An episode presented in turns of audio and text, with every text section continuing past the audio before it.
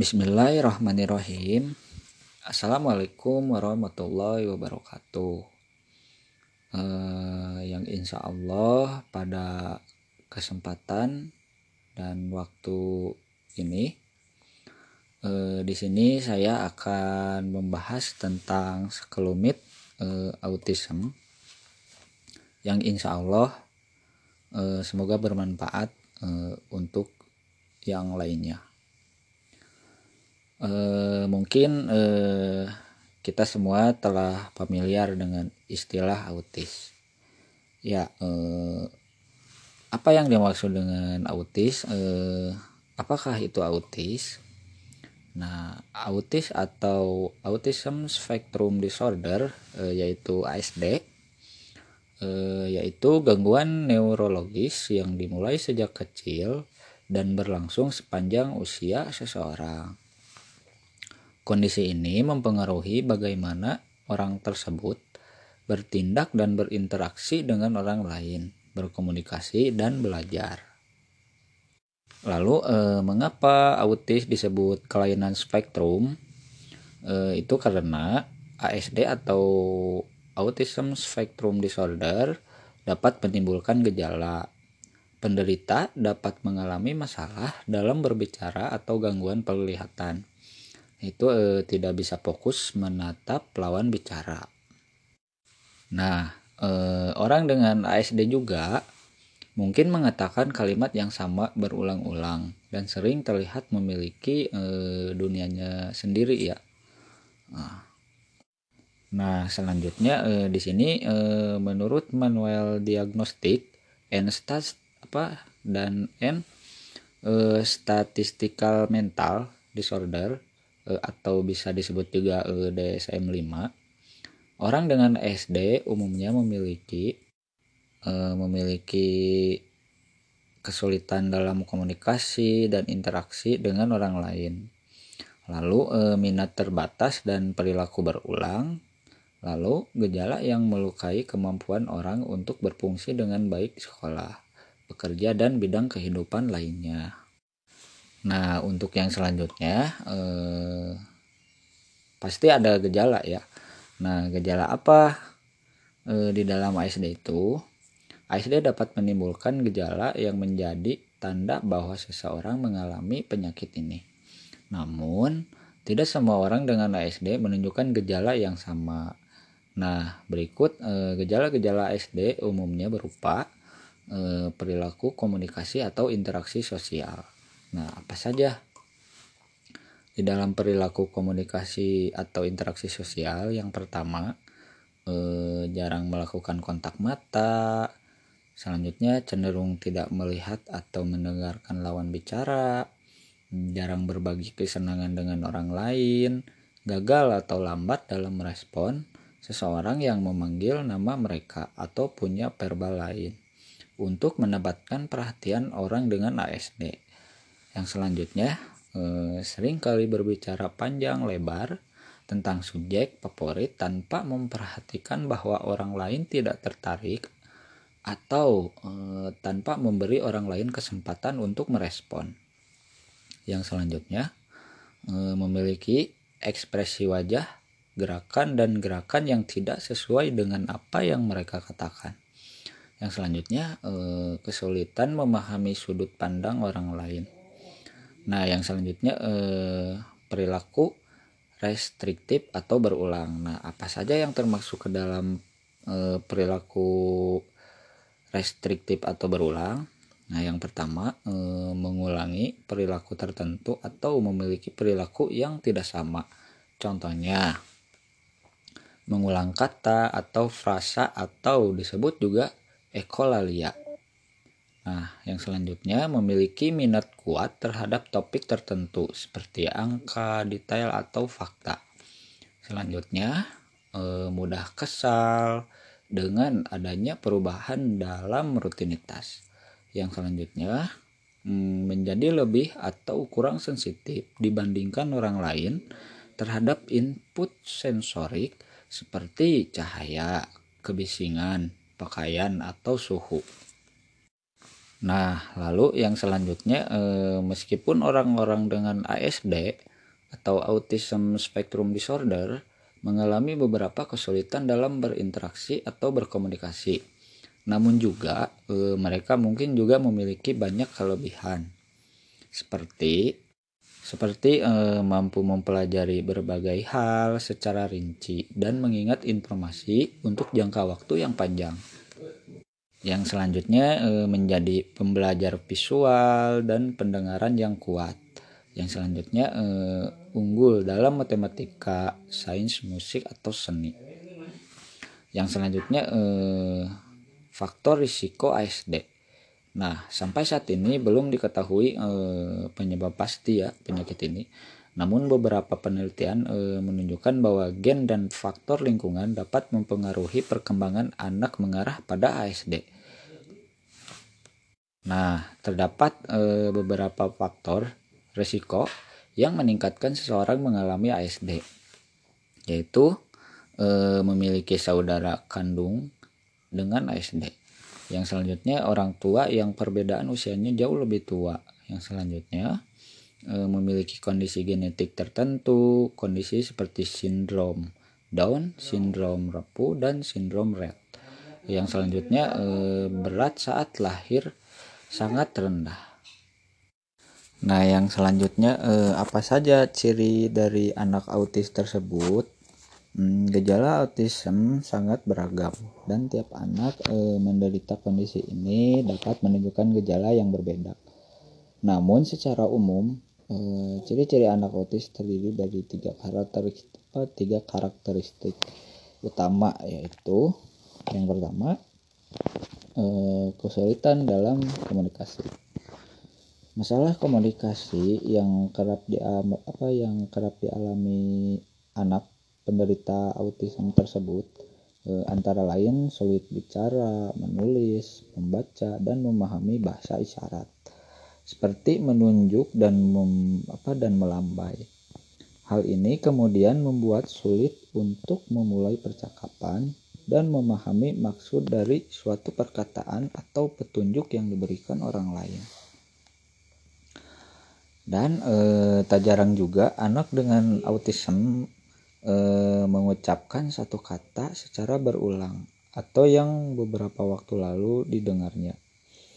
E, kemudian mengucapkan sesuatu dengan nada tertentu atau seperti sedang bersenandung atau sering tantrum. Nah, yang kedua eh, gangguan dalam berhubungan sosial. Salah satu ciri-ciri anak autis yaitu eh, sulit bersosialisasi.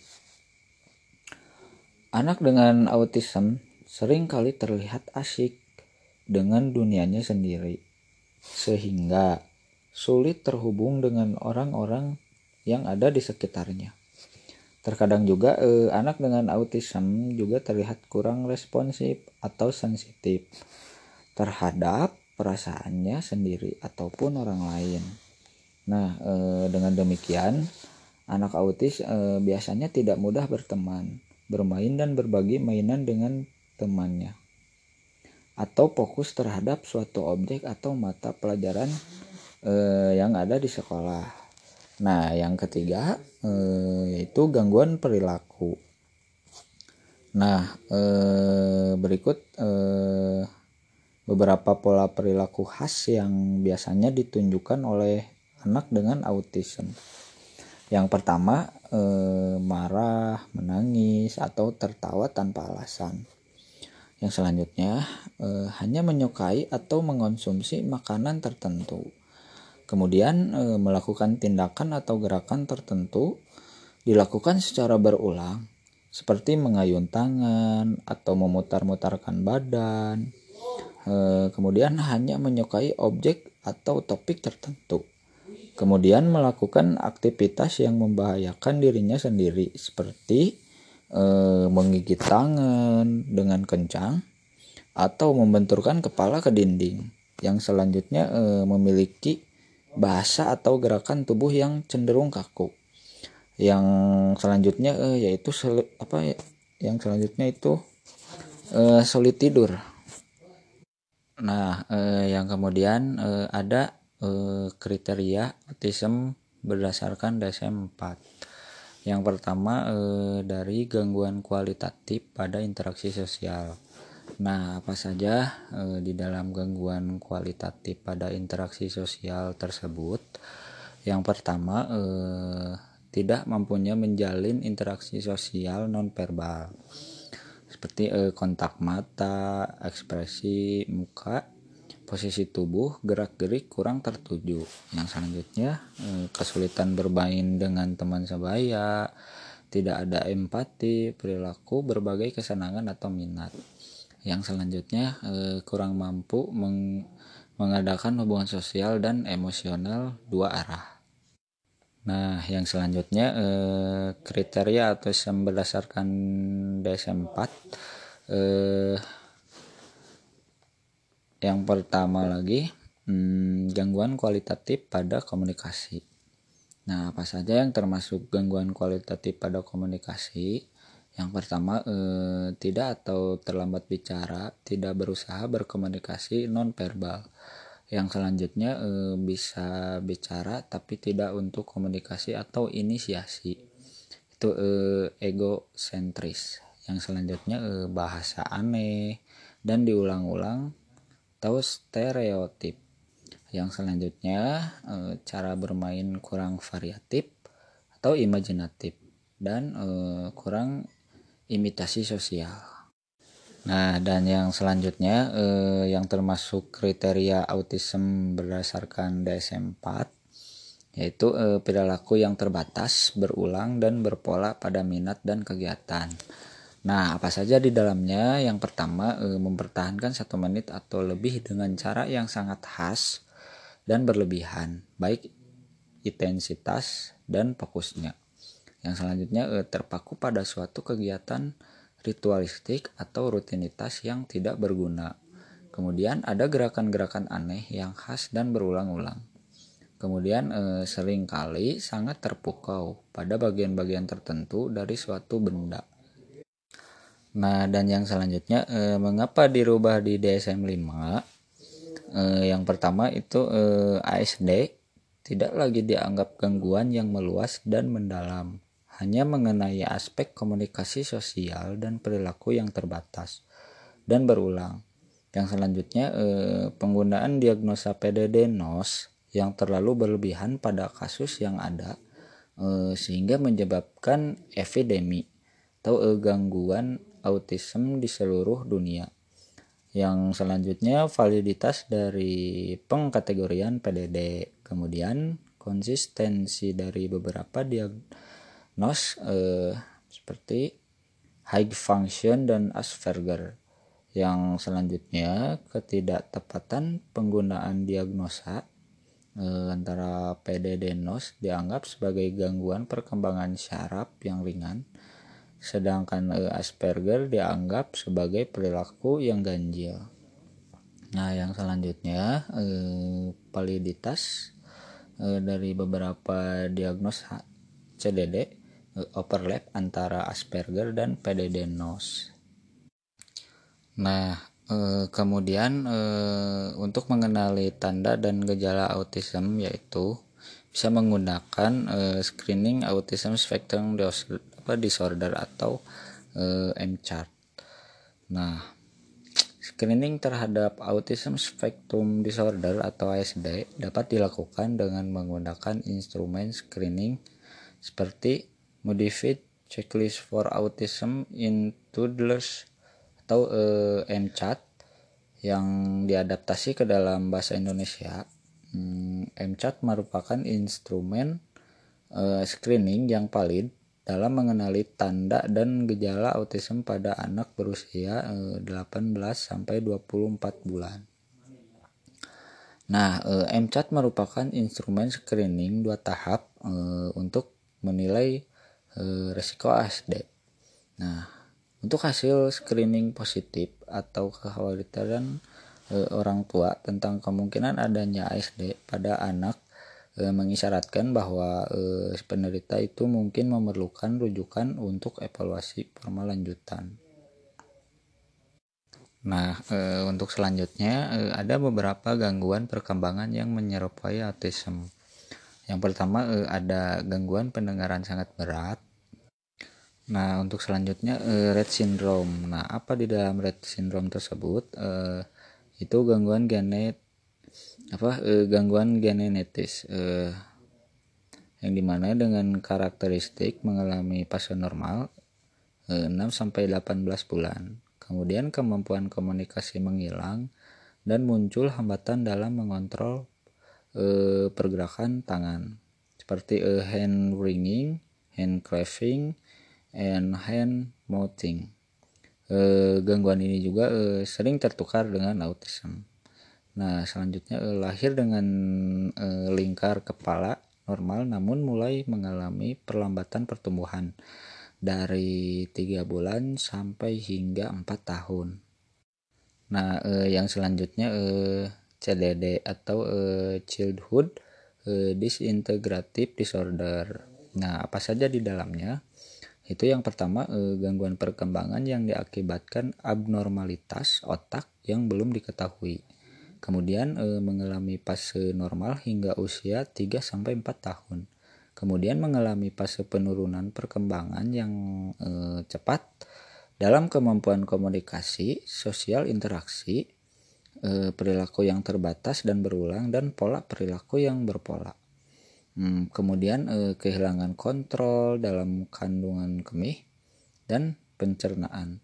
Kemudian eh, ada kejang dan e, muncul gangguan pemrosesan sensori yang parah, misalnya e, mencium atau menjilat-jilat benda. Nah, e, yang selanjutnya fragile X syndrome yang di mana merupakan gangguan genetis kekurangan panjang lengan pada kromosom. Untuk gambaran perilaku tidak bisa diam, bicara yang cepat atau berulang-ulang. Hand flapping, hand beating Eh, karakteristik fisik hmm, lingkar kepala kecil telinga yang lebar. Nah e, untuk selanjutnya apa, sclerosis. Nah apa saja yang ada di dalamnya? Yang pertama e, gangguan genetis yang disebabkan adanya gangguan dalam gen di kromosom. Kemudian karakteristik dimulai dari tumor pada organ vital pada otak, mata, jantung, dan kulit. Hmm, kemudian mengalami keterlambatan perkembangan, e, kemudian masalah perilaku, e, seperti tidak bisa diam, kesulitan mengontrol perilaku, dan agresif. Perilaku yang mengacu pada kekerasan, yang selanjutnya e, perilaku menyakiti orang lain. Kemudian e, epilepsi yang selanjutnya eh, Landau Kleffner. Nah apa saja yang ada di dalamnya? Yang pertama gangguan pada anak yang sangat jarang. Kemudian eh, untuk karakteristik eh, mundurnya kemampuan berbahasa yang berhubungan dengan abnormalitas gelombang listrik di otak. Eh, ditunjukkan dengan hasil EEG atau EEG eh, yang tidak normal yang Selanjutnya, eh, gangguan muncul di usia 3 sampai hingga 7 tahun dengan gangguan yang terlihat dalam bahasa dan kesulitan interaksi. Yang selanjutnya, afasia. Eh, afasia itu ketidakmampuan memahami bahasa. Eh, beberapa tidak mengenali namanya sendiri dan kesulitan memahami suara-suara di lingkungan. Nah, yang selanjutnya eh, masalah perilaku yang muncul seperti eh, tidak bisa diam, agresif, berkurangnya kemampuan atensi, dan kemunduran kemampuan sosial. Yang selanjutnya eh, 70 sampai 80% anak memiliki kejang. Nah, yang selanjutnya eh, William syndrome yaitu eh, merupakan gangguan genetis yang jarang eh, sampai sekarang eh, belum diketahui penyebabnya. Namun bukan karena faktor lingkungan dan psikososial. Uh, yang selanjutnya uh, gangguan ginjal jantung dan pembuluh darah. Meningkatnya kadar kalsium tubuh uh, berat badan yang rendah masalah makan dari bayi hingga anak-anak gigi yang tidak normal. Kemudian perkembangan yang terlambat kesulitan belajar dan kesulitan dalam konsentrasi.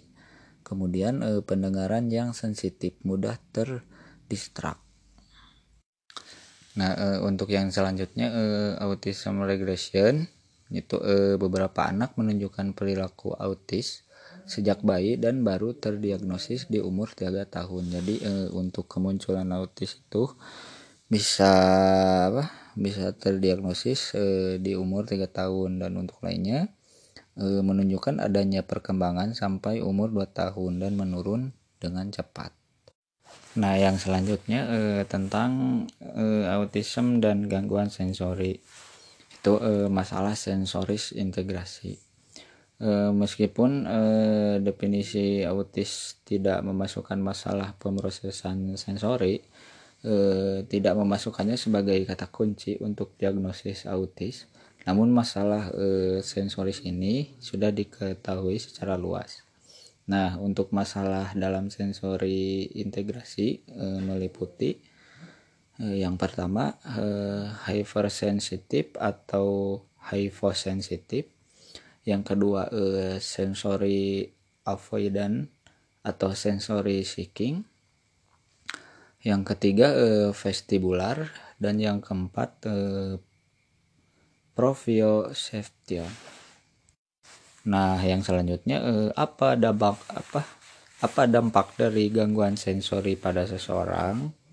Eh, yang pertama itu stimulus informasi, kemudian ke ditangkapnya oleh sensori, tapi karena bermasalah, eh, kemudian informasi yang disampaikan ke otak tidak sesuai faktanya, kemudian eh, informasi diproses oleh otak kemudian eh, respon bermasalah nah kemudian eh, dalam kondisi apa sensori dikatakan terganggu? Eh, yaitu yang pertama eh, high hyposensitif eh, atau kurang sensitif. Dan yang kedua eh, hypersensitif atau eh, sangat sensitif.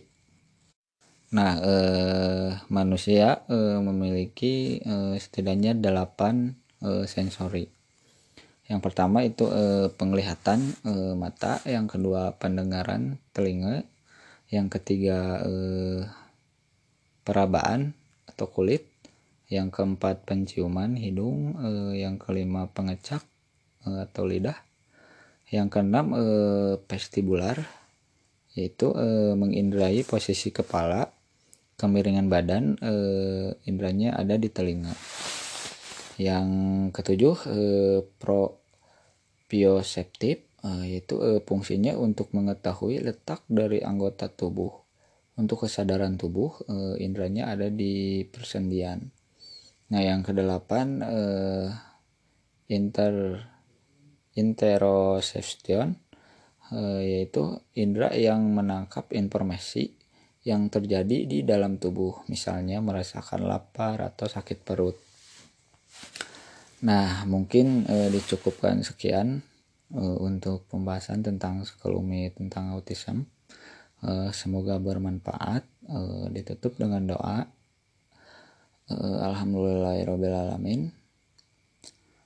Eh, Assalamualaikum warahmatullahi wabarakatuh.